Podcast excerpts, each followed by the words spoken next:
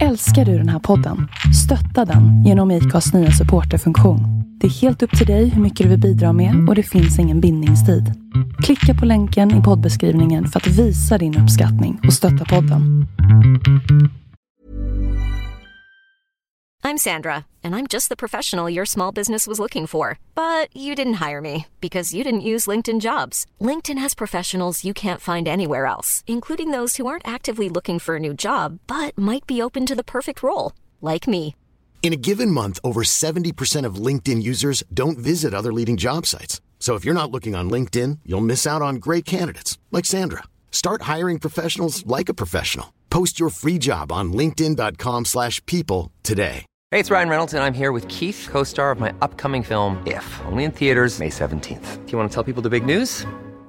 All right, I'll do it. Sign up now and you'll get unlimited for $15 a month in six months of Paramount Plus Essential Plan on us. Mintmobile.com slash switch. Upfront payment of $45 equivalent to $15 per month. Unlimited over 40 gigabytes per month. Face lower speeds. Videos at 480p. Active Mint customers by 531.24 get six months of Paramount Plus Essential Plan. Auto renews after six months. Offer ends May 31st, 2024. Separate Paramount Plus registration required. Terms and conditions apply if rated PG.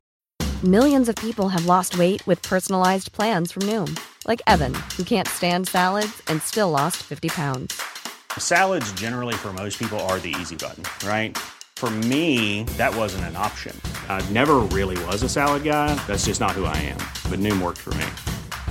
Get your personalized plan today at Noom.com. Real Noom user compensated to provide their story. In four weeks, the typical Noom user can expect to lose one to two pounds per week. Individual results may vary.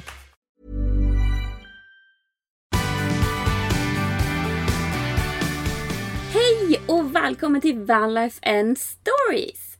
Jag heter Maja och jag bor i en van. Ni kan hitta mig på Instagram, det heter Off the Grid With. Just nu är jag i Marbella i Spanien och lever life. Och som ni säkert hör kanske ljudet är lite sämre än vanligt just nu. Eller så hörs det inte. Jag vet inte. Det beror i alla fall på att just nu så regnar det ute, men det kommer och går, så ibland blir det bättre, ibland blir det sämre. Och jag eh, behöver faktiskt ha bilen på för att ladda upp mitt batteri lite grann. Eh, så att eh, då låter det ju lite grann va. Men hela avsnittet kommer inte ha samma kvalitet på ljud, så håll ut. Och apropå batteri så är ju just det dagens ämne. El och elektronikprodukter. För det är ju så att jag har ju utlovat ett Bygga avsnitt och det kommer komma. Detta är del 1 kan man säga. För elen är ju ett väldigt stort ämne när det kommer till att bygga vän. Eftersom att jag inte är jätte jättebra på el så kommer jag inte bara ha en utan två gäster på besök i detta avsnitt. Och det är också så att det är första gången som jag gör intervjuer online i podden. Så jag hoppas ni har överseende om det är lite sprak i ljudet någonstans och istället bara uppskattar alla lärobomber som vi delar med oss av idag. För i vanlig ordning så kommer vi dela med oss av allt. Och lite till. Nu kör vi!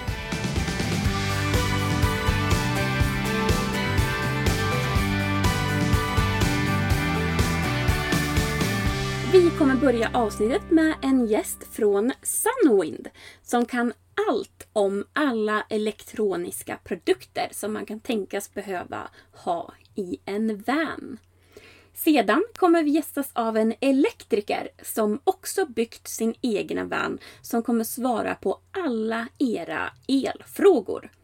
Och till sist så avslutar vi med några frågor som ni hade till mig och mig och min vän. Nu kör vi igång! Här kommer ett klipp från min intervju med Magnus från Sunwind.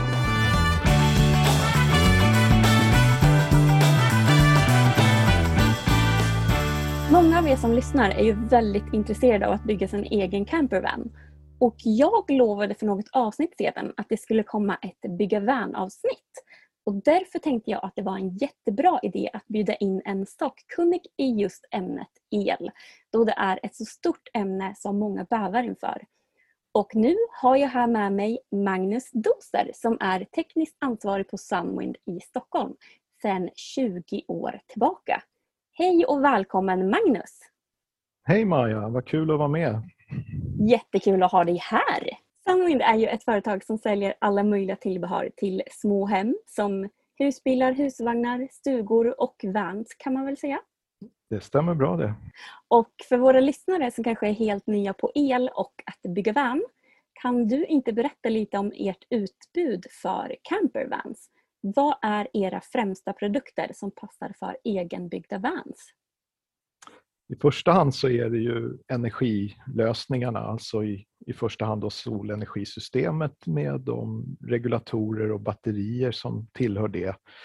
Och många gånger vill man ju även ha 230 volts inverter från sina 12 volts batterier till 230 volts förbrukare av olika slag. Så det är vårt viktigaste och tyngsta område. Men vi har ju även lite värmelösningar, gasolkök för matlagning, pumpar för vatten och VVS och eh, enklare toalettlösningar som också skulle vara passande och även kylskåp. Då.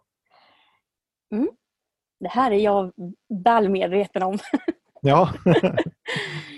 När jag byggde min van för två år sedan då beställde ju jag, jag beställde egentligen från en leverantör till er men det var ju era grejer jag beställde. Och nu vet jag att man kan beställa direkt från er också faktiskt.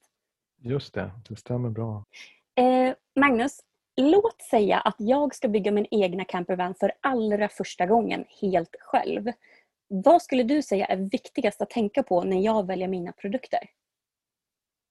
Jag skulle i första hand säga att man ska tänka ganska långsiktigt och kanske hellre titta på att välja produkter av hög kvalitet och gärna också framförallt från en seriös, trygg och väl etablerad leverantör som även kan stå för eventuella garantianspråk och framtida support. Eh, så att skippa billighetstänket och satsa på kvalitet är väl kontentan tycker jag. Där tycker jag att du har en väldigt bra poäng faktiskt. Jag har hört många som har beställt billigare dieselvärmare från såna här äh, Kina Wish, Wish-grejer. Mm. Och ja. det har ju oftast inte gått så bra med dem. Det kan ju såklart finnas undantag. Men för mig personligen skulle jag nog tycka att eh, den huvudvärken skulle... Det skulle vara mer värt att slippa den huvudvärken genom att bara köpa från ett seriöst ställe på en gång. Absolut. Och jag säger inte att på något sätt att vi är ensamma om att vara seriösa och ha bra kvalitet. Men eh, man bör som sagt välja sin leverantör med omsorg och helst kanske undvika billig direktförsäljning på nätet från bortre Asien. För där får man sällan eller aldrig någon hjälp om det nu skulle vara så att det man har köpt inte uppfyller förväntningarna. Mm, absolut, fattar. Ni har ju både kylskåp och kylboxar som går på gasol och el. Vad skulle du säga är fördelarna och nackdelarna med el kontra gasol? Största fördelen med el är ju att den driften blir så gott som gratis i och med att man kan försörja sig då på solpanelerna och via batterierna. Och även så är ju säkerheten en aspekt i och med att ett gasolkylskåp eh, kyler ju med en öppen brinnande låga. Då. Och eh, förutsätter också att man har tillgång till gasol hela tiden. Nu behöver man ju förvisso den oftast för matlagningen och eller värmen i alla fall. Men som ett elkylskåp blir oftast billigast i längden och också säkrast och mest praktiskt att använda skulle jag vilja säga.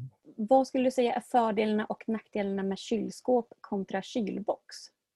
Ja, fördelen med ett kylskåp är att man oftast kan öppna dörren väldigt snabbt och enkelt och få en snabb överblick vad man har och snabbt ta ut det lilla man oftast behöver. Det blir mindre spring i det än vad det är i en box där man ofta har grejerna staplade på hög och måste rota runt för att få tag i det man, man letar efter. Så att kylskåpet har ju sin enormt stora fördel och där man kan ha en bra överblick på det som står i dörren ofta också på kylskåpet. Jag har hört vissa resonemang från folk när de väljer mellan kylskåp och kylbox. När de börjar prata om att kylan åker ur ett kylskåp på ett annat sätt än när en kylbox när den öppnas uppåt på grund av att det är ju värmen som stiger uppåt. Ja. Men en kylbox tar ju längre tid att rota igenom tänker jag. Hur tänker du med det där? Jag brukar säga att det går nog lite grann på ett ut. För att det stämmer ju att kylboxen behåller kylan bättre när du lyfter på locket. Men å andra sidan kanske du får lägga mycket mer tid på att hitta det du ska ha och till och med lyfta ur grejer och ställa dem på golvet för att sen hitta det som låg underst och sen stapla tillbaka allting igen. Och då tror jag att det går på ett ut eller kanske till och med till kylskåpets fördel i slutändan när man pratar om energiförlusterna där. Mm.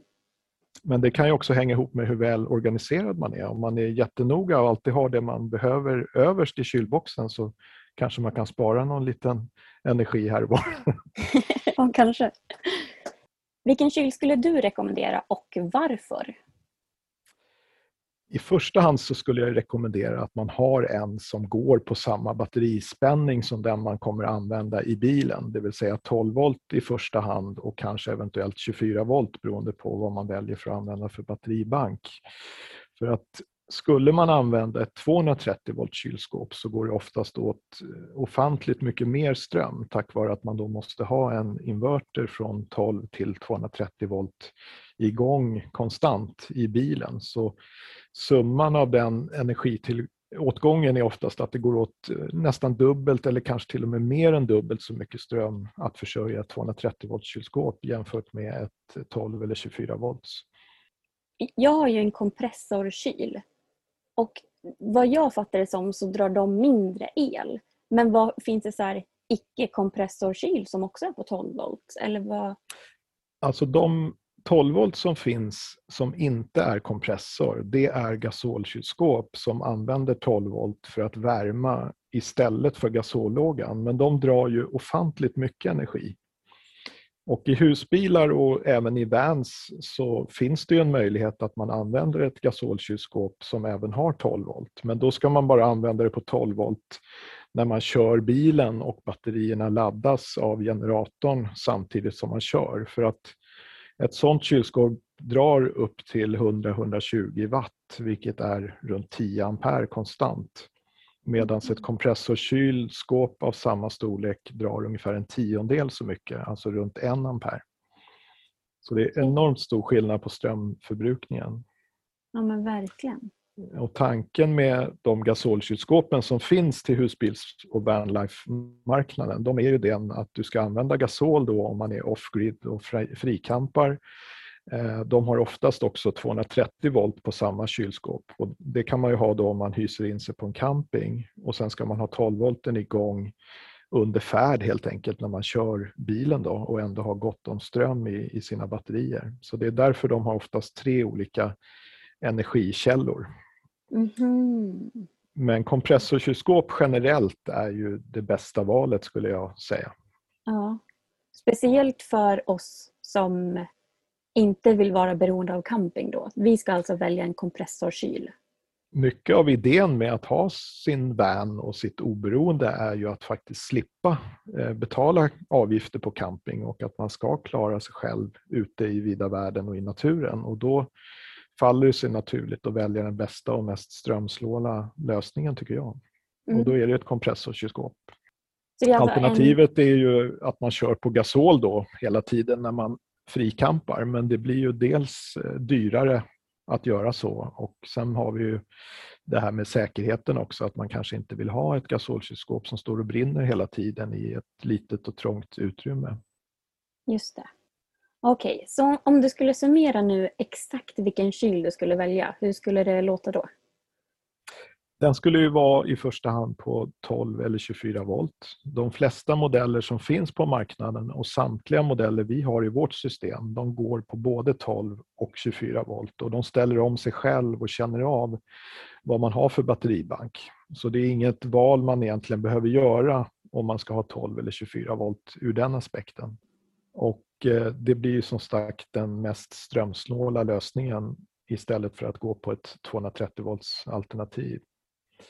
Och eh, storleksmässigt så får man ju rätta lite grann munnen efter magsäcken där, vad man har för utrymmen i sin bil helt enkelt för att kunna få in då ett kylskåp som är tillräckligt för de behov man har. Och rådet där är väl att inte välja ett som är mycket större än vad man behöver. Även om man kanske har utrymmet så, så ska man nog tänka till där och inte ta ett för stort. För att ju mer storlek man har desto mer ström kommer det också att förbruka. Om du skulle bygga en van, vilken kyl skulle du valt till din van och varför? Eh, beroende på hur gott om plats jag hade så hade jag valt antingen QSIN 80 eller QSIN 110 liter då, som är våra två stycken kylskåp som går både på 12 och 24 volt. De är två av de mest strömsnåla modeller som, som finns på marknaden och är otroligt bra eh, för att spara mycket energi och ändå ha bra kylskåp i. Och de blir väldigt snabbt kalla också. Så att det är två utmärkta alternativ för en mindre van tycker jag. Du sa 80 och 110 va? Precis, det finns även en 50 liters modell kan vi lägga till då. Exakt, det var det jag tänkte fråga. För visst var det 50 som jag hade innan och nu har jag 110? Minns du det? Stämmer bra. Ja. Exakt, så är det ja. Precis, och då kan ju jag säga att den som är 50, den räcker om man är själv i sin bil. Men och då blir det väldigt fullt när man handlar precis. Men det förhindrar en också att handla för mycket så att maten blir gammal innan man hinner äta upp det. Men om man är två personer så kanske man skulle ha en som är 80 minst i alla fall, kan jag lägga till av, av min rekommendation. Det tror jag också är korrekt. Ja. Okej, då tänkte jag att vi skulle gå vidare till ämnet värme. Ja. Så som jag upplever det så är det ju många vanlifers som väljer att ha en dieselvärmare som sin primära värme i hemmet. Men i husbilar är det vanligare med någon sorts gasolvärme. Varför tror du att det är så? Jag tror att gasol är ju alltid ett nödvändigt ont i alla husbilar och vans i och med att man har svårt att lösa matlagningen på något annat sätt än med just gasol. Och därför är det nog ganska bekvämt och framförallt mycket billigare också att köpa en gasolvärmare än en dieselvärmare som ofta kostar 10 eller kanske till och med 15-20 gånger mera än vad en gasolvärmare kostar. Så därför är trots allt gasolvärmarna ganska populära. Men annars så skulle ju en integrerad lösning med, med en dieselvärmare också vara väldigt praktiskt. När man tar bränslet ur samma tank som man kör bilen på så är det också någonting man alltid har med sig i, i bilen. Då. Det är väl så som det är med allt. Det finns fördelar och nackdelar med allt. Det finns fördelar och nackdelar med allt. Definitivt så är det så. Vad skulle du säga är de främsta fördelarna och nackdelarna med gasol kontra diesel? Driftskostnaden på dieselvärmarna blir ju lägre. Det är väl kanske en av de största fördelarna. Och att man som sagt alltid har bränslet med sig. Då. Mm. Nackdelen är väl att man kan få slut på bränsle om man står länge på en plats och kör värman och kanske inte tänker sig för och då kanske man inte ens kan köra bilen därifrån. Eh, det kan ju vara en nackdel då om man inte har koll på det. För mig som kanske inte riktigt förstår hur mycket en dieselvärmare drar, hur länge är länge att man står på ett ställe, tänker du då? Är det liksom ja. en natt? Är det en vecka? Jag ska ju villigt erkänna att Sunwind säljer inte dieselvärmare för bilar eller mindre utrymmen som båtar och liknande. Så att det är inte alls mitt expertområde egentligen utan jag resonerar bara lite grann utefter hur jag själv tänker i det avseendet. Eh, så vi, vi har ju egentligen i första hand eh, små gasolkaminer som är intressanta för, för just vanlife. Då. Och eh, fördelarna med dem är ju framförallt att de är väldigt billiga att köpa de har väldigt snabb och effektiv värme. Eh, nackdelen är väl att de strålar ut sin värme och även rökgaserna rätt ut i utrymmet så att man måste ju ha väl ventilerat och se till att inte det blir en, en för låg syrenivå i utrymmet man vistas i helt enkelt. Fördelen med dieselvärmare som jag nämnde med driftskostnaden är ju att de ofta också har sin egen ventilation ut ur bilen för just rökgaserna. Då, och man slipper då det här problemet med, med den biten. Och eh, det här du nämnde om syrenivåerna och sånt, om man nu skulle välja en gasolvärmare. Vad kan man göra för att känna sig säker på att man har tillräckligt mycket syre i sin van? Förutom att se till att det finns eh, upptagen ventilation som är tillräcklig så ska man ju ha någon typ av gasollarm eller syre eller CO-larm i sin, i sin bil. Det tycker jag är en billig och vital livförsäkring att ha eftersom det kan vara farligt. Har man tur så får man bara lite huvudvärk om syrenivån sjunker för lågt i bilen. Har man otur så kan det gå riktigt illa. Så att någon form av eh, larm som går på 12 volt eller inbyggt batteri tycker jag definitivt man ska ha för att vara säker och känna sig trygg när man använder sådana produkter i ett begränsat utrymme. Mm. Har de här larmen något speciellt namn, namn? För jag vet att det finns brandlarm, kolmonoxidlarm. Är det kolmonoxidlarmet då? Eller behöver man ha något ytterligare larm? Vi, vi har ju ett larm i vårt sortiment som egentligen täcker alla områden som både varnar för brandrök, kolmonoxid, koldioxid, narkosgas, gasol och så vidare. Det tar egentligen alla typer av farliga gaser som kan uppstå i, i ett begränsat utrymme. Mm. Och sen har vi ju eh, larm som enbart larmar för gasolläckage och vi har larm som larmar för enbart eh, kolmonoxid exempelvis. Mm. Och den försiktiga och noggranne kan ju naturligtvis tänka sig att ha ett par olika larm för olika saker. Och larmen är också olika bra att larma beroende på hur bra man placerar dem i bilen. För olika gaser är olika tunga. Så har man ett allround-larm så kanske man ska ha två stycken. Ett som är placerat lågt och ett som är placerat högt för att kunna både ta tung gasol då, som sjunker men även att kunna ta andra gaser och brandrök som stiger. Hur ska man placera larmen då? För det tror jag att många, eller jag, jag har hört faktiskt att många funderar på det. Hur ska man placera de olika larmen? Brandlarm, det vet väl alla att det ska vara i taket i alla fall. Men de Exakt. andra då? Brandlarm och gaser som stiger och lägger sig högt som till exempel rök från brand. Då, det är ju högt upp för de är lättare än luften medan gasol är tungt. Så att ett larm som ska varna för gasol ska ju vara placerat inom en fot från golvet normalt sett. Va? Och helst ska den inte sitta på en plats där det ofta förekommer drag eller stor risk för fukt vårt känsligaste larm är så pass känsligt att det till och med kan varna för den lilla gas som krukväxter alstrar på natten. Det vill säga att de släpper också ut CO2 när fotosyntesprocessen går omvänt. Då, så att när de inte får solljus på dagen så så gör ju de CO2 på natten när det blir mörkt. Och har man då en lite kraftig krukväxt så kan teoretiskt larmet börja larma på natten tack vare den lilla, lilla mängd som den här plantan släpper ut. Så känsligt är det. Oj, det här har jag ingen aning om. Vad galet. Nej. Och sen ska de inte heller sitta i direkt solljus. Det, det mår ju egentligen inga apparater bra utav. Så att en, en skyddad och strategisk plats är ju ganska viktigt att man hittar för sitt larm för att det ska fylla 100% rätt funktion. Okej, och återigen till ämnet värmare då.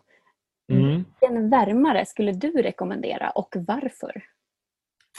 Ja, vi har ju som sagt inget sortiment vad gäller små dieselvärmare som skulle passa i den här typen av bilar. Så ur vår synpunkt så blir det egentligen den här gasolkaminen som heter Mini Flame som är intressant. Eh, vi har även en vägghängd modell som har ventilation ut av rökgaserna men den är egentligen lite kraftfullare och mer tänkt för mindre hus. Men den heter Eco och är en italiensk tillverkad men också ganska dyr modell. Då. Men den skulle man också rent teoretiskt kunna ha i en större van som permanent värme och det är också en gasolmodell. Då. Så att antingen Echo eller Miniflame är väl de jag rekommenderar till den här typen av installationer. Och jag har ju faktiskt den här Miniflame och eh, den värmer ju upp väldigt snabbt faktiskt och väldigt bra så jag kan också rekommendera den. Ja, vad trevligt. Ni säljer ju både produkter som försörjer en campervan med el men ni säljer ju också produkter som förbrukar den elen. Jag tror att många har svårt att veta vad det behöver för att allt ska gå ihop. Hur tycker du att det ska tänka eller göra? Man bör ju först och främst titta på vilka apparater man kan undvara och vilka man absolut känner att man måste ha med i sin van. Och sen fundera lite kring hur mycket de kommer att användas och vilka wattstyrkor och vilka effekter de inbördes olika förbrukarna har. Att man gör helt enkelt en liten energikalkyl på, på sitt behov helt enkelt. Va? Och utefter det då så blir det lättare att eh, dimensionera en lämplig anläggning vad gäller mängd batterier och hur mycket solpaneler och så vidare man behöver ha då för att försörja sig. Och det här med att göra en energikalkyl, det tror jag att många tycker är väldigt svårt. Hur, hur ska man göra om man liksom inte förstår? Alltså det är ganska simpel matematik så länge man pratar om vanliga elektriska förbrukare. Att man till exempel har då en förbrukning på 120 watt. Delar man den med den driftsspänningen som man har i sin batteribank, det vill säga oftast 12 volt, så blir det 10 ampere. 120 delat på 12 blir 10.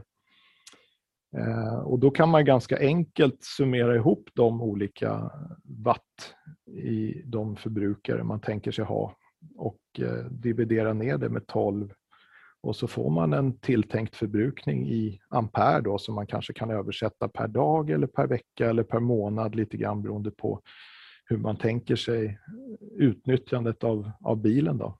Så att eh, det är inte alls svårt att, att räkna ut och vi har även en hel del exempel kan jag tillägga på vår hemsida där man kan se exempel på hur, hur man räknar ut detta och kan lätt få en bra bild av hur många ampertimmar per vecka eller per dag till exempel man, man tror att man ska använda i sin bil. Ja men det är ju kanon. Det visste jag faktiskt inte om så det var ett jättebra tips.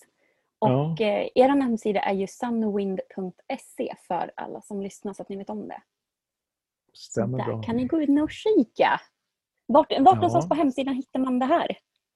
Det finns en flik som heter Tips och råd och den är uppdelad då i olika avsnitt om energi, värme, toalett, VVS, eh, kök och gasol och så vidare. Sen finns det mängder med artiklar under varje ämnesområde där man hittar sån här information då, där man kan räkna ut och få hjälp med lite grann. Annars får man ju gärna ringa eller mejla oss också för vidare rådgivning när man kör fast någonstans helt enkelt. Det är ju jättebra. Det är ju verkligen en kanonservice. Mm. Okej, okay, om vi ska dyka in i batterier så finns det ju både AGM och litiumbatterier.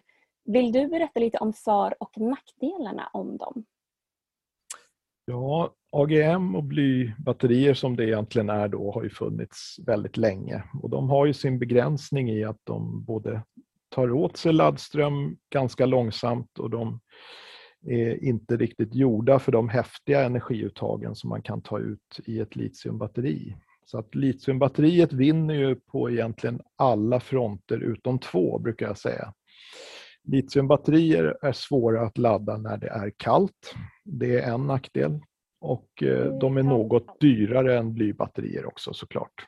Men man kan generellt säga som så att litiumbatterier tar åt sig ström dåligt under 0 grader, alltså under fryspunkten. Då kan man bara ladda dem med kanske maximalt 10% av den kapacitet man normalt kan få in i batteriet. Nu, nu, finns det ju mycket modeller även med inbyggd värmefolie, precis som det är i alla elbilar har ju värmefolie runt sina litiumceller. Så att när vi laddar våra elbilar här i Sverige så går ju väldigt mycket energi till spillo för att värma upp batterierna så att de ska kunna ta åt sig laddström. Det pratar man kanske inte lika mycket om när man säljer en elbil, men så ser verkligheten ut. Så problematiken finns på samma sätt i elbilar som den gör i, i de litiumbatterier vi säljer. Så om man vill ha en van som man ska åka skidor med, åka till norra Sverige eller Alperna och sånt, då kanske man inte skulle välja litiumbatterier? Eller kan man fortfarande göra det? Om man verkligen vill ha litiumbatterier, kan man fortfarande göra det och ha det här vad sa du att det var, folievärmande grej? Eller ja, alltså vissa modeller av litiumbatterier har som sagt inbyggd värmefolie och då går det åt lite en energimängd för att värma upp batteriet och då kan det ju ta åt sig laddström i samma takt som ett vanligt batteri igen då.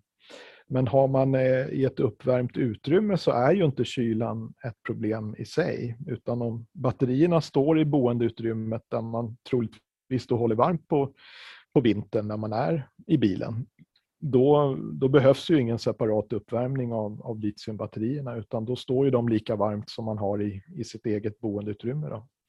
Eh, nästa fördel med litium är att de väger väldigt lite. Man spar 50-60 procent i vikt kontra blybatterier. Och det kan ju vara nog så viktigt när man eh, bestyckar en bil eller en båt eller en husbil att varje kilo räknas ju som man åker runt och släpar på. Så ur den aspekten vinner ju litiumbatteriet också mot blybatteriet ganska mycket. Och sen håller litiumbatterier flera gånger längre än blybatterier. Så att på sikt så blir de alltid billigare att köpa än ett blybatteri, även om de är dyrare från början. Och när du säger att de håller längre på sikt, hur, hur lång tid snackar vi då? Hur länge håller ett AGM-batteri och hur länge håller ett litiumbatteri? Även AGM-batterier finns ju i skiftande kvaliteter naturligtvis. Man brukar prata om antal i och urladdningscykler när man pratar om batterier. Och eh, standard AGM-batterier håller ungefär 500-600 i och urladdningscykler när man tar ut ungefär 40-50% ur batteriet. Och det kan ju vara många år beroende på hur intensivt man använder batterierna. Men det kan ju också vara ett fåtal år om man är väldigt intensiv utnyttjare av batterierna. Mm. Ett litiumbatteri håller med 50 urladdning upp till cirka 5000 cykler. Så att rent teoretiskt så borde litiumbatteriet hålla ungefär 10 gånger så länge som blybatteriet. Och litiumbatteriet tar heller inte skada av om man laddar ur det helt och hållet. Det vill säga att man har tillgång till hela sitt batteri, alla sina till exempel 100 ampere litium. Och skillnaden mot ett bly, blybatteri då, som är 100 ampere, där kan du egentligen bara ta ut runt 50 ampere innan batteriet blir för trött.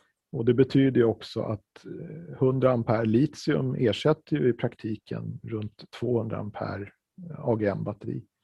Låt oss säga att jag då har ett AGM-batteri, men att det liksom aldrig går ner så lågt då används inte de här cyklerna upp eller?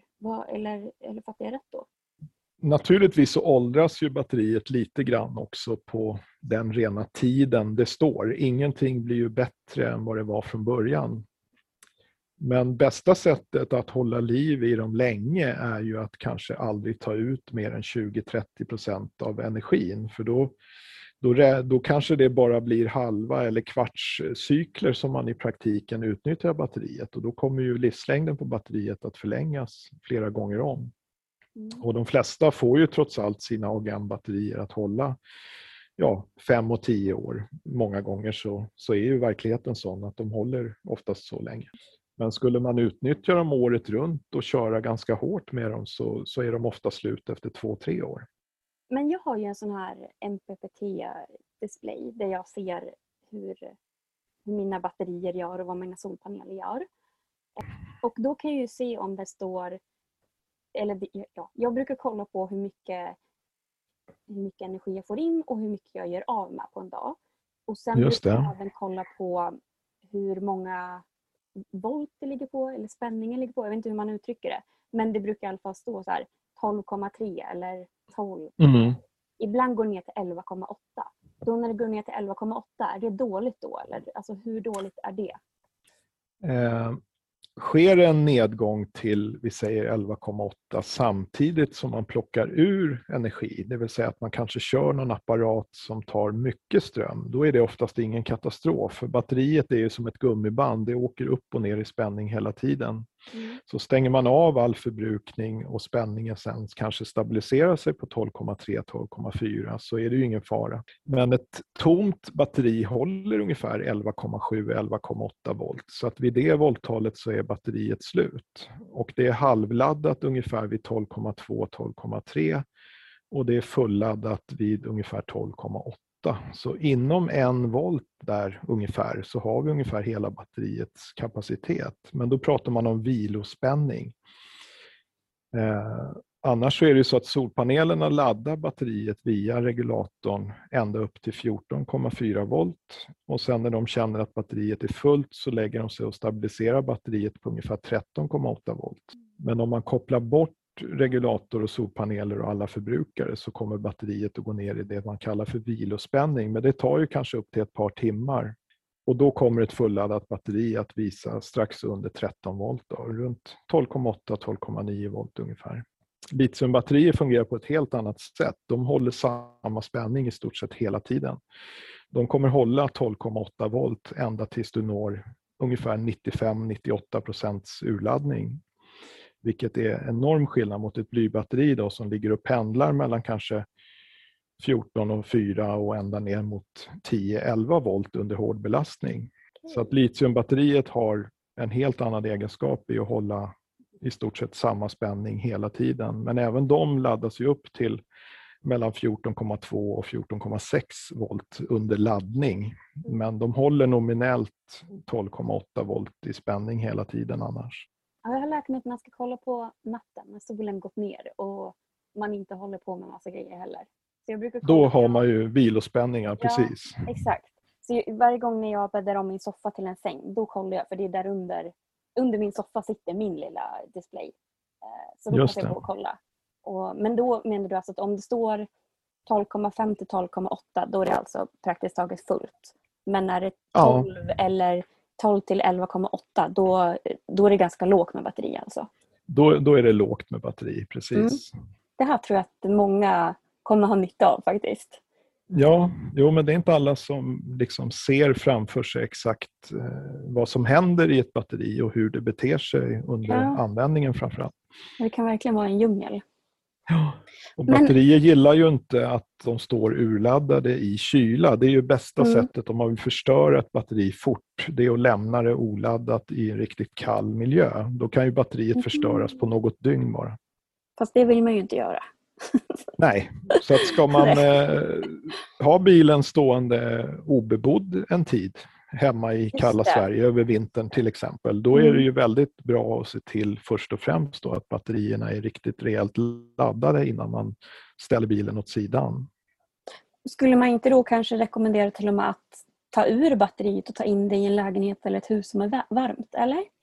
Eller koppla bilen då till ström så att det hela tiden får laddning. För de flesta vanlifers skaffar sig också en 230 volts laddare så man kan ladda antingen de gånger man ligger på camping eller de gånger man har fast, tillgång till fast el så vill man ju oftast kunna ladda upp sina batterier. Mm, exakt. Men om man inte har, har möjlighet, vissa bor ju i städer och då har man kanske inte egen parkering med elstolpe och sådär. Nej, precis. Då, då är det ju kanske enda alternativet att plocka ur dem och underhållsladda dem inomhus istället. Alternativt att de åtminstone står varmt. Då. Om man ser en lång kall period med urladdade batterier framför sig så kan ju det Mm. vara det säkra att göra. Mm. Men det är ju tungt att flytta på batterier så det är inget man vill göra helt i onödan. Nej, de, vä- de väger en del de. Ja, ja, Speciellt AGM-batterier. exakt. Mm. Men om du skulle bygga en van själv, vilken typ av batteri hade du valt då och varför? Ja, idag blir ju valet solklart litium baserat på att det har hänt så mycket bara sista året faktiskt på litiumbatterier. Både vad gäller priserna har gått ner och det har kommit fler modeller som är väldigt väl anpassade för både stugor och vans och båtar och annat. Så att utbudet är ett helt annat idag än vad det bara var för ett, två år sedan. Och priserna har som sagt eh, närmat sig blyets lite grann och det gör att de är väldigt prisvärda att köpa idag jämfört med bly. Så att i, idag blir solklart svaret att man, man väljer gärna litiumbatteriet faktiskt. Eh, Vi har fått in eh, några lyssnarfrågor också. Mm. Den första lyssnarfrågan som vi har fått in om batterier är Är det bättre med två till tre mindre batterier som är, som är parallellkopplade än ett jättestort? Det generella svaret är att det är alltid bättre med färre stora än många små. Så att svaret är ju egentligen att hellre ett stort än flera små. Och vi hade även en till lyssnarfråga om batterier. Jag tror att du har svarat på den ganska bra. Men jag upprepar den ändå så kanske du bara kortfattat kan svara på det. Ja, Är det stor skillnad på typ av batteri? Är det rimligt att lägga ganska mycket mer pengar för att få litiumbatterier till exempel? Ja, jag tycker ju det baserat på det vi har pratat om att livslängden är så pass mycket längre och utnyttjandet av batteriet kan ske i så pass mycket högre grad och även att man spar då både vikt och även på sikt då sina pengar. Så att lägga lite mer pengar på ett litiumbatteri är som regel alltid lönsamt som det ser ut nu. Och nu kommer vi in på ämnet solpaneler. Hur skulle du tänka när det kommer till solpaneler? I första hand hellre överdimensionera än att ha för lite. För att eh, solpaneler är ju någonting som har sjunkit i pris väldigt mycket. Eh, för 10-20 år sedan så tänkte man sig noga för om man skulle köpa en 100-wattare eller en 120-wattare. Idag ser ju inte verkligheten riktigt ut så utan nu ska man nog tänka mera på hur mycket kan jag få plats med för att det är aldrig en nackdel att ha för mycket solpaneler. Utan enda skillnaden blir att batterierna blir oftast lite snabbare uppladdade efter att man har tagit ut energi ur dem och det är bara positivt. Och sen har man säsonger då kanske på hösten och vintern där solpanelerna ger en väldigt låg effekt och då kommer ju varenda watt eh, till nytta faktiskt. Är det någon skillnad på olika märken på solpaneler? Kan olika märken ta in olika mycket watt på samma fysiska storlek av solpanel?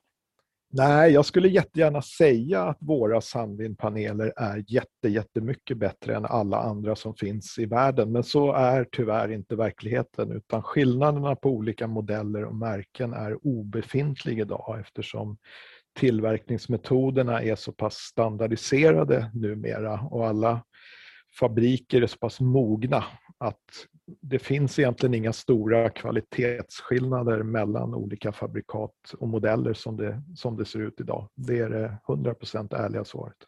Och vi har fått in lite lyssnarfrågor om solpaneler också. Och eh, den första frågan är Var hittar man bra solcellspaket till ett bra pris?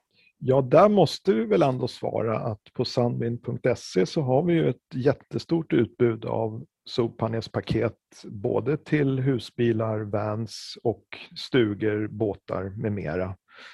Och eh, som en av de riktigt ledande aktörerna i Sverige så, så, tror vi nog att vi har det klart bredaste och kanske också mest prisvärda sortimentet i, i de avdelningarna definitivt.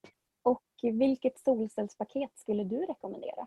Där är man ju tillbaka till lite grann vad man har plats för. För alla bilar ser ju lite olika ut med olika typer av kanske antenner och takluckor och annat. Så att jag tror man helt enkelt måste mäta sitt tak och se vad man kan få in och vad som passar rent eh, fysiskt på, på sin bil. Och som sagt hellre några watt extra än att man snålar ner med ett par hundralappar. För oftast så handlar det inte om mer än ett par hundra kronor idag att välja en lite större solcell istället för en som är lite mindre. Och ibland kan ju svaret vara att man av olika skäl kanske bättre kan passa in tre stycken 100-wattspaneler som har ett visst mått. Det kanske är lättare att få plats med dem än att få plats med en stor 300 wattare exempelvis. Så att där, där handlar det väldigt mycket om de fysiska måtten på, på just den bilen man ska bestycka, vad som, vad som passar bäst. Och det finns inget så att det är bättre att ha en stor eller att det är bättre att ha, ha flera små? Det spelar ingen roll, eller?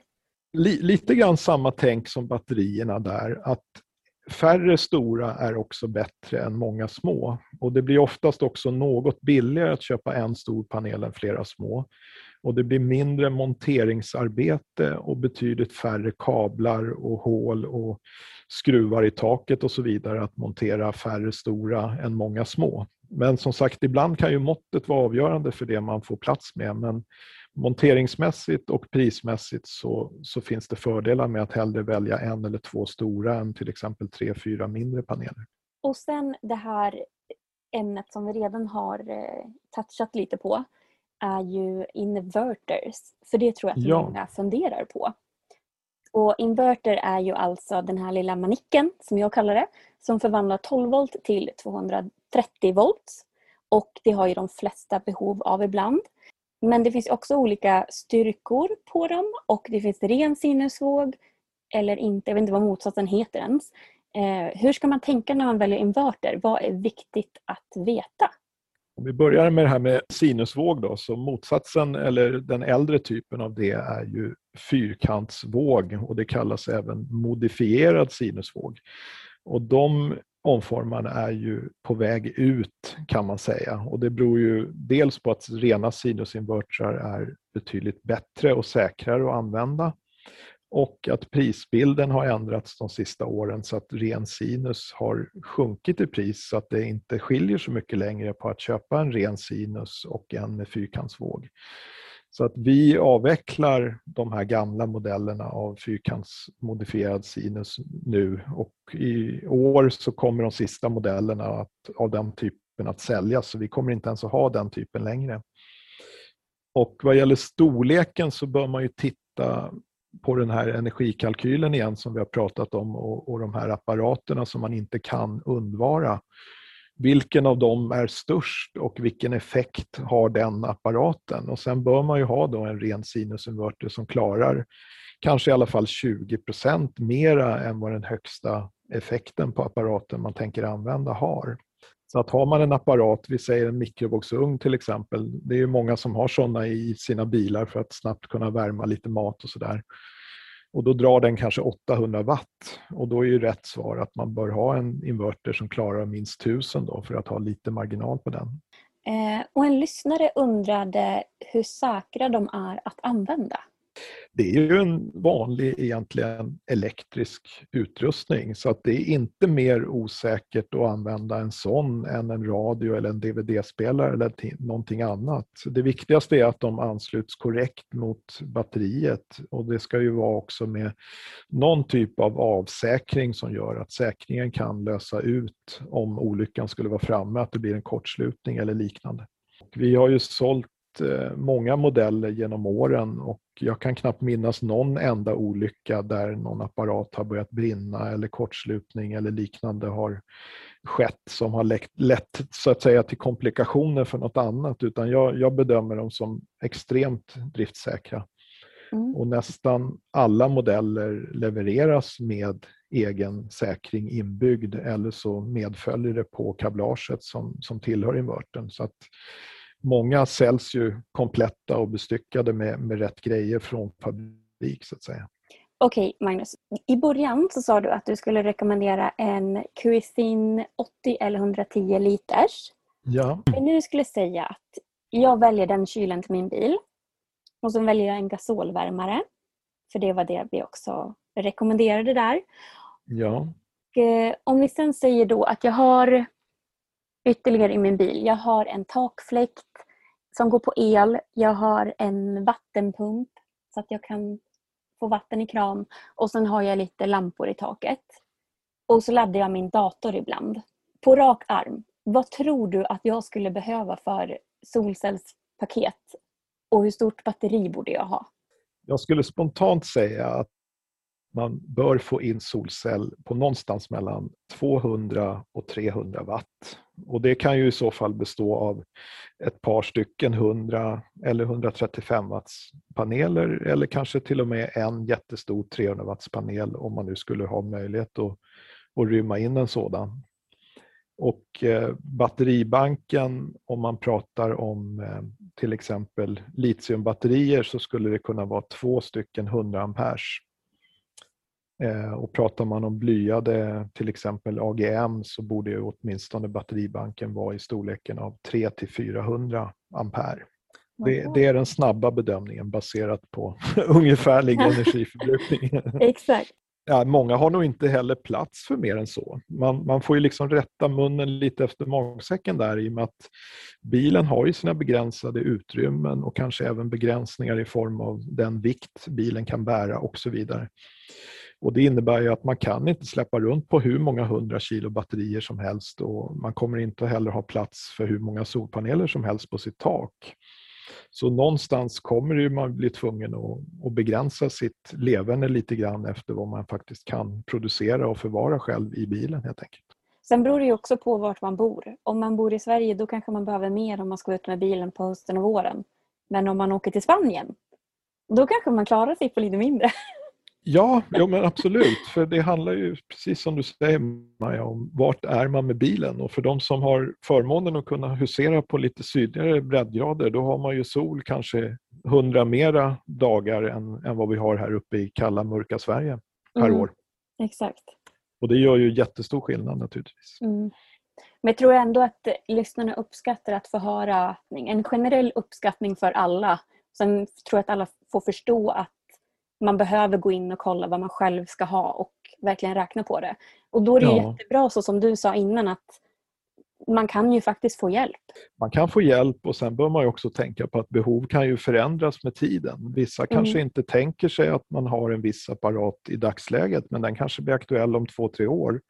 Så därför kan det vara klokt att dimensionera upp anläggningen med som jag sa tidigare, antingen mer solpaneler men gärna också mer batterier om det nu finns både utrymme och kanske framförallt även budget för att göra det från början. För att mm. en överdimensionerad anläggning håller ju ofta många fler år än en underdimensionerad så det blir oftast lite billigare i längden att köpa eh, något dyrare och något mer grejer från start än att inse att det var för lite tre år senare och få köpa allting nytt en gång till. Mm. Ja, jag fattar. Och till sist Magnus, om jag nu ska bygga min egna campervan och jag vill att den ska vara självförsörjande på el, vad är mitt första steg? Jag tror vi är tillbaka till den där energikalkylen som jag tjatade lite om tidigare. Mm. Att man får tänka igenom sitt behov, eh, fundera kring de apparater man verkligen känner att det här måste jag ha och göra någon slags litet överslagsberäkning i alla fall på vad man kan tänka sig att ha och vad man kan avstå och se hur mycket energi det behövs. Och som du sa nu klokt på slutet här också, vart kommer jag att vistas mest med min bil? Vistas jag mest uppe i nordligaste Sverige så kommer jag inte ha tillgång på sol i samma utsträckning som den som oftast semestrar i Sydeuropa till exempel. Mm. Det är sant. Så, ja. Vad bra. Jag tror vi har fått in mycket nyttigt här till lyssnarna. Jag tror det här kommer vara ett hjälpsamt avsnitt för de som vill bygga sin van. Ja, jag hoppas det. Jag mm. hoppas många får nytta av informationen. Ja, men verkligen. Och så kan vi påminna igen om eh, det här som jag fick veta nu i avsnittet att på Sunwinds hemsida finns då den här lilla tips och råd-fliken där man kan se vad olika saker drar och vad man behöver för att det ska fungera. Precis, och där finns ju som sagt lite exempel på hur man kan tänka kring energi och hur man omvandlar till exempel watt till ampere-timmar och lite lättare får en bild av hur stort systemet behöver vara helt enkelt. Mm. Kanon! Tack så jättemycket för att du ville vara med Magnus. Ja, tack själv Maja, det var jättetrevligt. Tack! Jag vet att det här kommer vara jätteuppskattat bland lyssnarna. Superkul att du var med, verkligen. Det låter bra. Härligt. Sköt om dig och tack så mycket. Tack.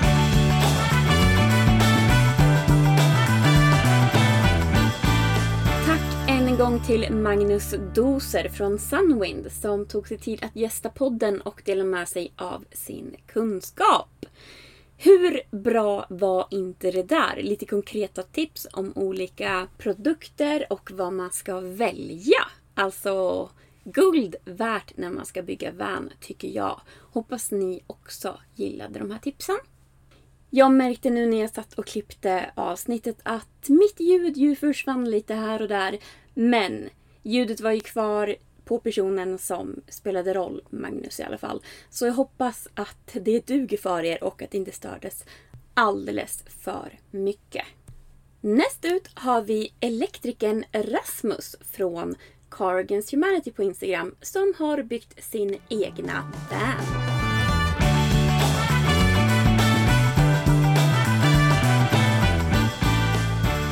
Vi har fått in en hel del frågor om el också. Och då tänkte jag att det hade varit bra att ha en sakkunnig elektriker med som gäst också.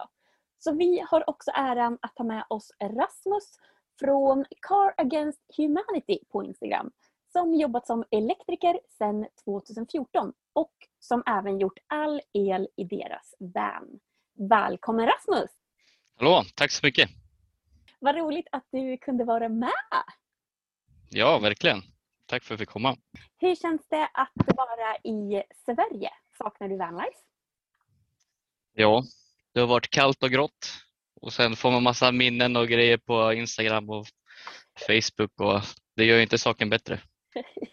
jag kan tänka mig det. Ja. Blir det vanlife nästa vinter? Ja, förhoppningsvis. om vi är klara med allt som vi behöver göra och så. Om man Jag får ledigt det. kanske. Ja, Ja, jag med, verkligen. Jag hoppas, för då, då kommer jag få mysigt sällskap igen med folk som tycker jag är rolig. Ja, precis. Okej, ehm, men idag ska vi ju prata om el i alla fall. Jajamän. Ska vi köra igång? Ja, absolut. Då tänkte jag att vi ska köra lite lyssnarfrågor. Och eh, den första frågan som vi har fått in är Får man dra elen i vanen själv? Och går det att göra utan tidigare kunskap? Eh, ja. ja, det får man. Eh, man måste bara skaffa sig ja, kunskapen om man inte har någonting, om man inte har hållit på med el förut eller så. Eh, det är bara viktigt att man gör det ordentligt och speciellt eh, när, man håller på med, med batterier som är över 200 ampere. Alltså om man råkar kortsluta en sån då blir det en ljusbåge som blir jävligt stor. Man kan bränna sig och få syra på sig beroende på vad man har för batteri och så. Och sen eh, särskilt också när man har, håller på med eh, 230 volt. Det, är ju, det kan ju gå jävligt illa. Det är farligt, man kan till och med dö av det. Så att, tips är att sätta en jordskyddsbrytare och sånt som, som ett pe- personskydd som, som skyddar er. Så om man ska göra det själv utan tidigare kunskap då får man verkligen plugga på först så att det inte händer någonting galet. Ja, precis. Det är jävligt tråkigt att bli friterad i sin van på semestern. Eh, ja, jag skulle också vilja säga det. Det enda Ja. jag vill bli friterad av det är solen. Ja, precis. Men eh, om man inte vill bli friterad själv då kanske det är bra att ta hjälp. Och eh, det har vi en till fråga om och den är om man tar hjälp av en elektriker att installera all el, hur många timmar ska man räkna med att det tar? Och när under vanbygget ska man hyra in en elektriker? Ja, ehm, jag skulle i alla fall säga att två tillfällen så kommer elektrikern. Eh, och det är runt tiden eh, när man isolerar, antingen innan eller direkt efter man har isolerat. Det beror lite på hur planlösningen ser ut och vad det är för typ av väggar. Bron, det, är ju, det är lite olika beroende på vad det är för bil. Eh, så, då, ja, så först när man, när man antingen isolerat eller precis innan. Eh, så kommer man dit och förbereder allting, drar alla, alla rör eller kablar eh, dit man vill ha det. Mm. Eh, och sen blir det också en, eh, där man har fått upp väggarna och allting, när liksom allt är färdigmålat och så. Då kan man, då kan man komplettera och sätta upp uttagen och all belysning och allt sånt. Och sen hur lång tid det tar, det är, det är lite olika. Det beror ju helt på hur mycket el du har och liksom vad du vill ha i och, och så. Det är så med allting. Liksom. Så Mm. det är, antingen har man en lampa i mitten eller så har du till exempel sex spottar. Och vissa vill ha massa uttag och vissa vill bara ha ett enstaka. Liksom. Så det är, det är lite svårt att säga hur lång tid det tar. Det beror ju helt på vad kunden vill ha. Men om man till exempel har som min bil då. Den har ju fem spotlights. Den har en takfläkt. Mm. Den har en vattenpump. Den har ett 230-uttag. Den har, den har ju en sån här panel också där man kan stänga av och på olika zoner av el. Och så har den två stycken USB-uttag. Och så är det ju solpanelerna och batteriet och den här MPPT-grejen och inverter. Jag tror det är all el jag har. Och kylen också då. Om, om du skulle göra allt det till exempel, ungefär, hur, Mm. skulle du upp, hur skulle du uppskatta tiden då? Ja, alltså, då först så kikar man ju på, som jag sa, hur väggar och allting är. Mm. Eh, och vad man har för förutsättningar. Mm, ja, det är svårt att uppskatta just nu bara så här. Det, det är nog, gör man nog bäst på plats när man ser. Men det är några timmar absolut. I Mm. alla fall en... Om, man har, om kunden vet exakt vad de vill ha och allt är jäkligt bra gjort och, så att man kan komma fram lätt och så. Mm. Så i alla fall eh, en halv dag, kanske en dag. Det beror ju lite på också hur, ja, som sagt, det är lite svårt att uppskatta så här rakt över när man inte ser bygget. Liksom. Ja, självklart. Det förstår man. Och det är väl alltid små grejer som kan hända också. Men en halv dag till en dag tycker jag ändå är ett, ett rimligt svar. Eller så tycker jag. Nästa fråga vi har är hur gör man ett kopplingsschema? Och för alla som inte vet vad ett kopplingsschema är, vad är det för någonting? Kan jag lägga till. Ja, ett kopplingsschema det är ju typ en ritning så då, där man ser liksom, eh, som säga, kretsen på elen till exempel. Mm. Man kan, eh, ja men till exempel så då har man liksom ett papper eller en ritning på datorn, CAD till exempel.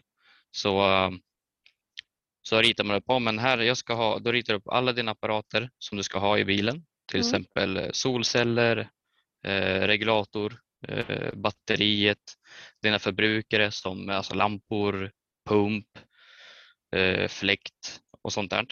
Mm. Så då, till exempel så då ri- ritar du upp solcellerna.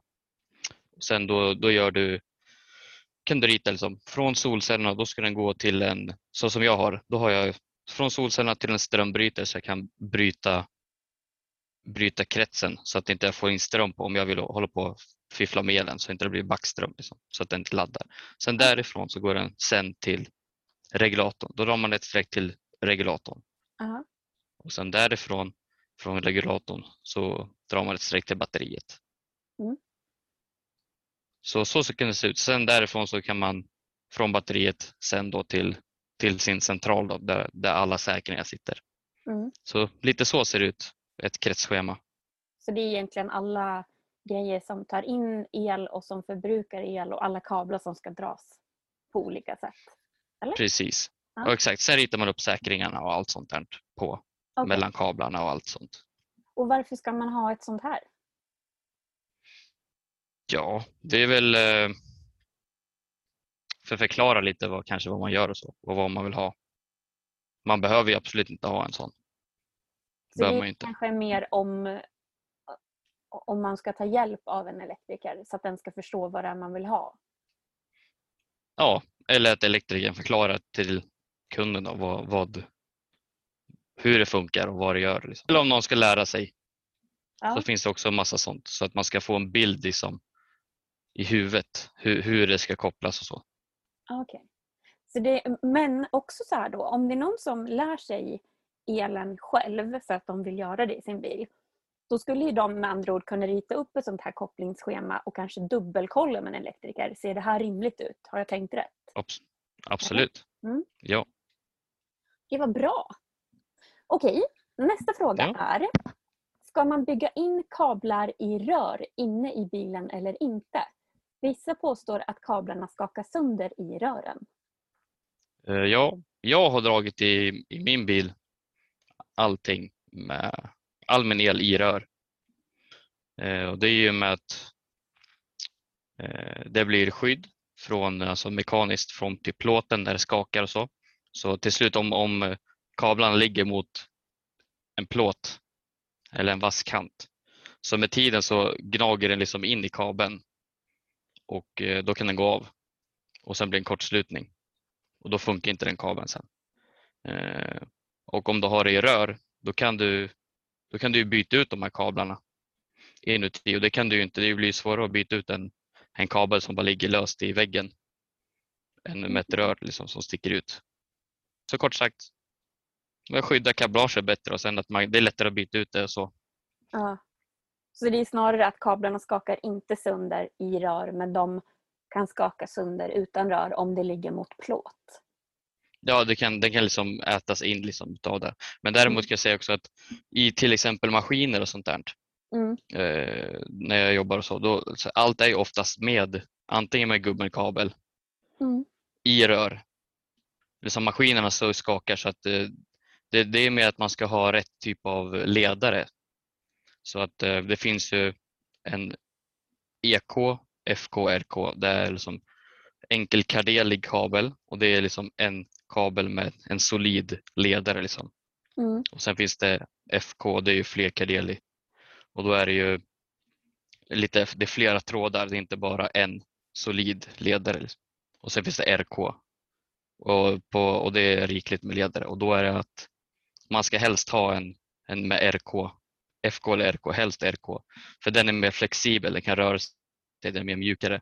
Så om det skakar mycket så är inte risken lika mycket att den går av Mm. som en, en enkel, för det har jag sett i vissa bilar att folk har en sån här E- EK-kabel. då. Gud vad det där kändes rörigt för mig som inte kan, eh, kan el. Men du sa RK. Hette det så? RK var det man skulle Ja, ha? RK, ja riklig kardeli, det, Okej. så heter det. Och står Det är det, då mju- på mjuk- kabeln då eller? Ja, precis.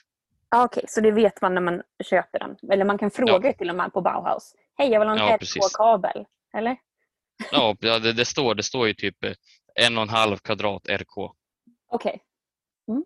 Ja, men vad bra. Bra tips. Ja. Eh, och nästa fråga hör till samma ämne. Ska man ha isoleringen över eller under kablarna? Ja. Eh, det beror lite också på hur, hur bilen ser ut och vad, hur tajt man ska ha mot väggen och så. Mm. Och om det finns möjlighet att ja, beroende på hur det ser ut. Men eh, jag har ju då satt vi, drar, vi vill ha eh, rören först. Sen isolerar vi för vi isolerade med XPS. Mm.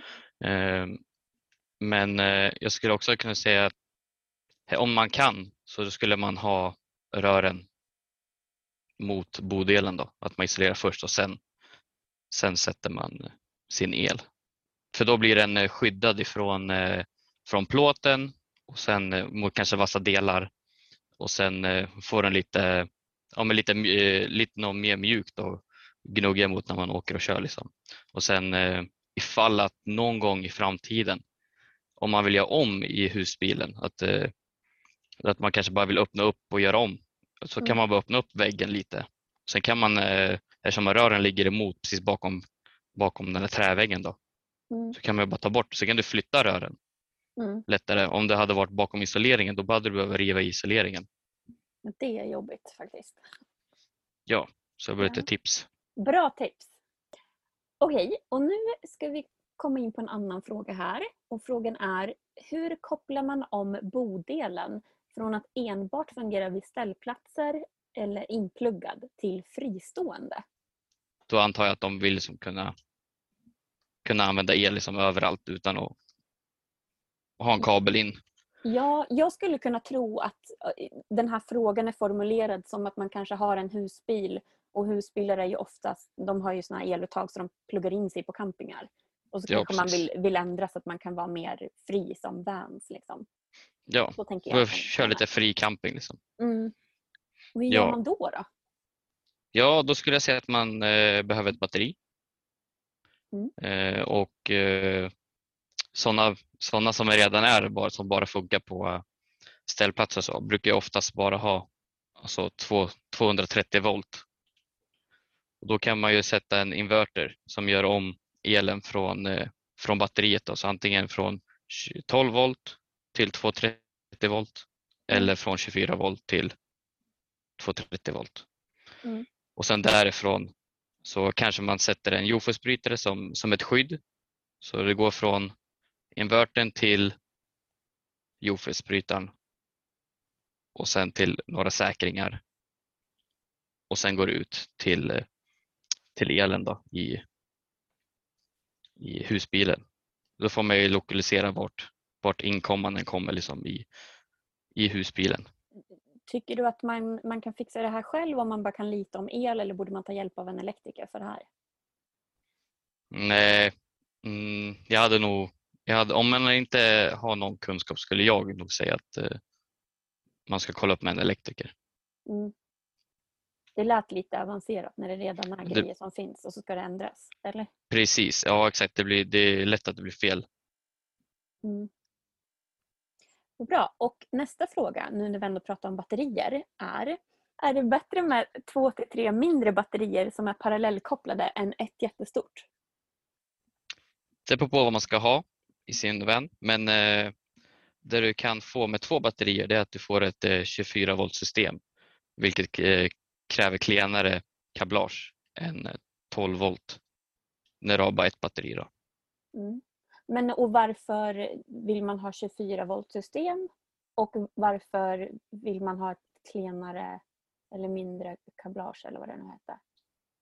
Ja, Det är ju mer om du ska dra eh, långa längder av, av, med el. Men det, det brukar inte vara något sånt med, i alla fall i små vans. Det kanske blir lite annat när man kör eh, när man har långt ifrån batteriet till dit du ska ha strömmen Mm. så kan det bli ett eh, det blir jä- jäkligt tjocka kablar dit du ska ha.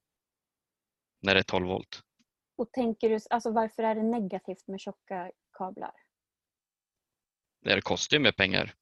Dels. Ah, så det, de Och sen, är dyrare. eh, ja, ja, det blir ju mer koppar.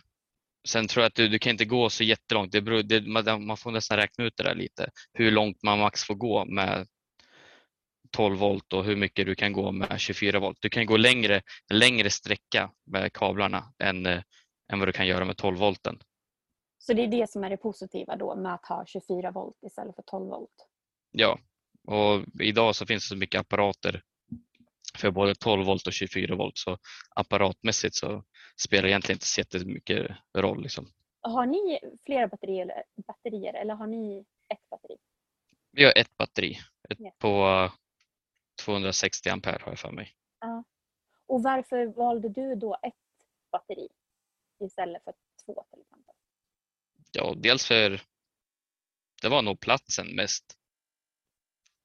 Om vi får inte nog plats med ett till batteri för då tappar vi ju våran dyrbara förvaring. Okej, nästa fråga är. En annan vanlifer nämnde kondens som ett problem i vans. Är det ett problem för el, batterier och apparater?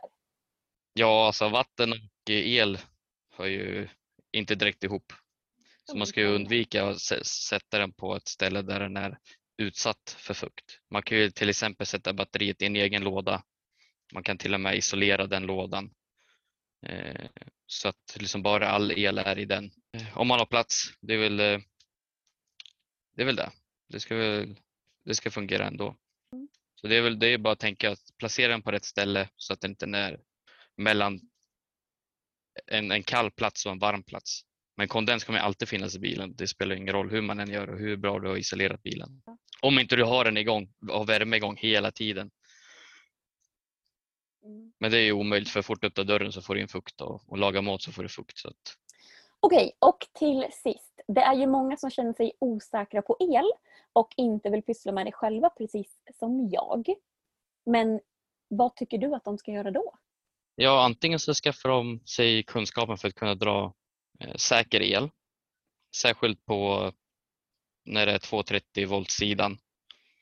Eh, eller så anlitar de en elektriker som gör det åt dem. Därmed så kommer jag faktiskt i sommar ha lite tid att hjälpa några stycken som behöver hjälp med elen. Så det är bara att höra av sig till oss, eller till mig då, på, i, genom vår Instagram, Corrigans Humanity. Det tror jag kommer hjälpa många. För jag tror det är det som, när man, om man inte kan el, så tror jag att många upplever det som det allra svåraste med att bygga bil. Faktiskt.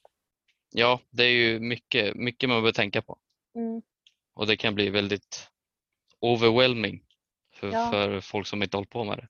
Ja men verkligen. Och just det här med att man vet att ibland är det farligt. Men när är det farligt? Det vet man inte om man inte kan el. Så då blir man rädd för Nej. allt istället. Ja, nej precis. Mm. Nej, men det här är ju kanon. Så ni som lyssnar, om ni bygger bil och behöver hjälp med el, kontakta då Rasmus på car.against.humanity på Instagram så får vi se om Rasmus har en lucka i sommar för att hjälpa er. Jag kommer även skriva deras användarnamn i beskrivningen så att ni verkligen kan se hur ni hittar till dem. Så att ni kan kontakta dem eller till, kontakta Rasmus. Ehm, Rasmus, tack så jättemycket för att du var med och delade med dig av din kunskap. Det här var kul! Ja, ja det var kul. Tack så jättemycket själv. Eller Tack! tack själv snarare. Tack, tack. Tack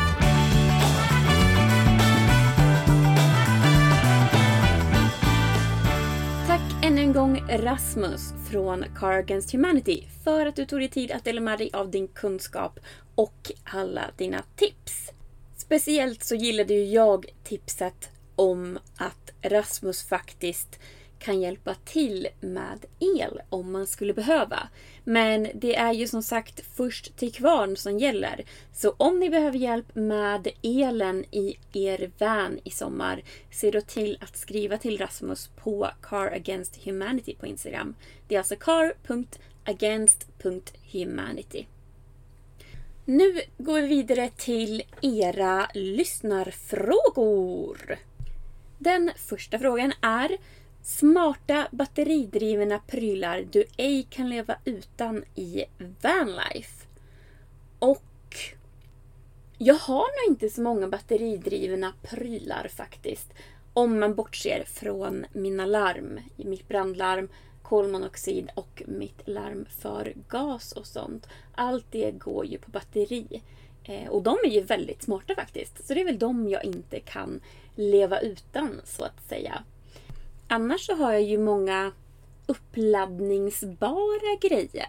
Till exempel så har jag en epilator som för eh, herrar som kanske inte vet så är ju det en maskin som eh, river ut hårstråna på benen bland annat. Och eh, den laddas i mitt 230-uttag. Men sen håller batteriet ett tag. Så det är ju ett exempel. Um, vad mer? Jag tror inte jag har så mycket grejer som går på batteri egentligen. Jag har ju en mixer också och den går också på 230. Men jag vet att de går att köpa på batteri istället på Amazon. Så det är ju ett tips att ni kan ju köpa den som går på batteri istället för den eldrivna eller vad man, ska, vad man säger som jag har. Och sen har jag en högtalare och den laddas upp på 12 volts genom USB. Och sen håller ju den ett tag så det är ett uppladdningsbart batteri. Jag tror det är det att jag har många uppladdningsbara saker. Jag har inte så mycket, många grejer som går på um, engångsbatterier direkt. Okej, nästa fråga är Hur visste du hur många solpaneler du behövde för att det skulle räcka? Och nu har ju ni fått jättebra tips här redan i podden om hur man kan räkna ut vad man behöver för solpaneler och för batteri. Men jag gjorde faktiskt så att jag frågade en annan vanlifer som hade en kyl som jag trodde att jag skulle köpa till exempel. Och jag visste att de hade en vattenpump och de hade lampor och eh, Eh, och de hade datorer att ladda liksom. Så tänkte jag att ja, men då är det väl om jag ska ha ungefär samma sak, jag ska leva på ungefär samma sätt då lär ju det räcka för mig om det räcker för dem. Så jag skrev till dem och frågade hur det räckte, hur länge de kunde vara off-grid och hur mycket det varierade för solen, vart de stod någonstans och så vidare. Och eh, de svarade och de berättade vad de hade för någonting. Och eh, då kände jag att ja, men det här är nog ett bra alternativ för mig också. Så jag copy-pastade det de hade in till min vän faktiskt. Och om ni vill veta vad jag har så står ju det på min hemsida offthegridwith.com. Där finns all information om allt jag har i min van.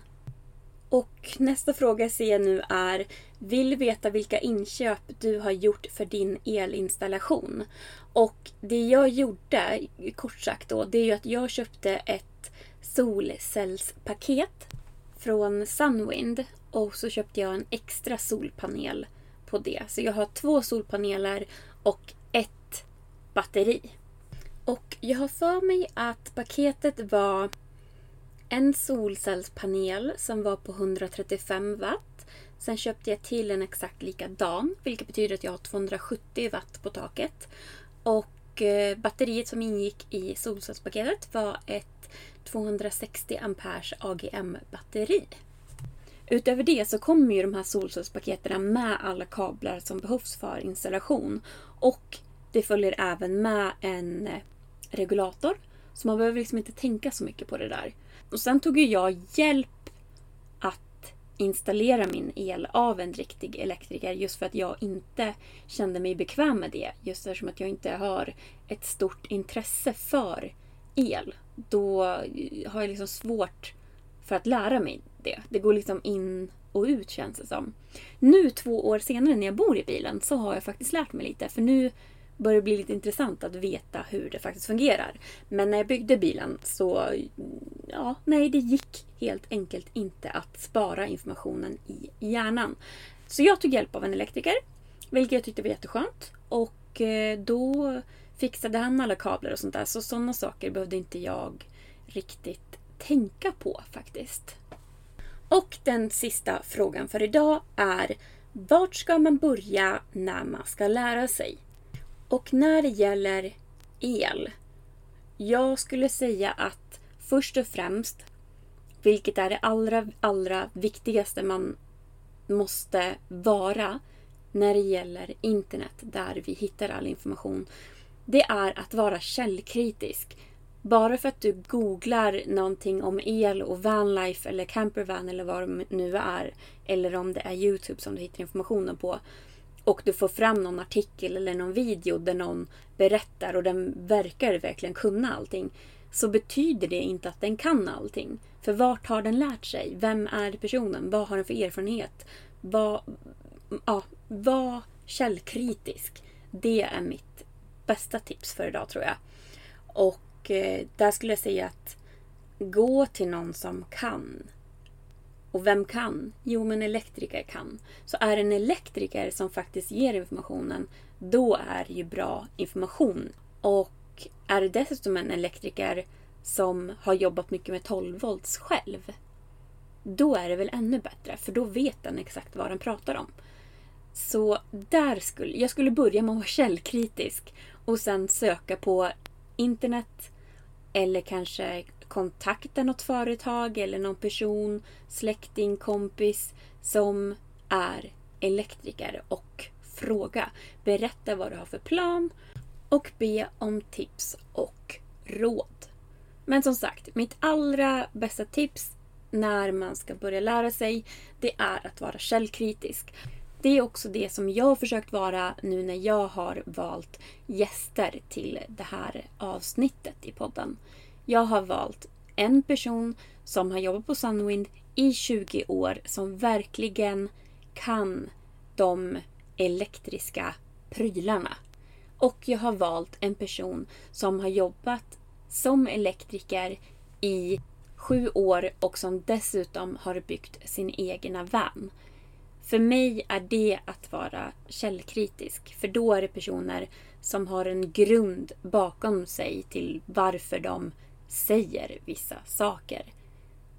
Det finns så många människor där ute som säger det är så här och så här och det är så här och så här. Alla tycker att de vet bäst. Men vem är de egentligen? Det är det du måste tänka på när du ska lära dig. Så att inte du lär dig fel.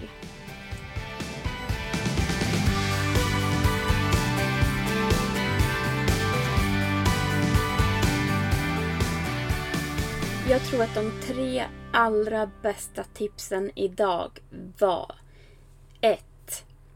Sunwinds tips och råd-flik på deras hemsida sunwind.se där ni kan få hjälp med att räkna ut energiåtgång och vad det är ni behöver i er van. Det här är ju jättebra om ni ska göra elen själv till exempel. Eller om ni bara vill räkna på vad ni faktiskt behöver. Tips nummer två var ju från Rasmus. En elektriker som alltså kan hjälpa till med att installera el i vans i sommar. Och Rasmus har ju jättemycket att göra så det var ju först till kvarn som gällde där. Och tips nummer tre, det var ju då att vara källkritisk. Extra viktigt om ni ska göra elen själv. Tack så jättemycket för att ni har lyssnat allihopa. Och kom ihåg nu, för att inte missa chansen att ställa frågor till avsnitten så kan ni följa podden på Instagram där vi heter Vanlife and Stories. Prenumerera också gärna på podden i appen där ni lyssnar och om möjligheten finns så lämna jättegärna ett betyg för det hjälper podden jättemycket. Och som ni vet, då är det alltså fem stjärnor som gäller. Annars kan man stänga av. Vi hörs igen om en vecka. Ha det gött! Hej då!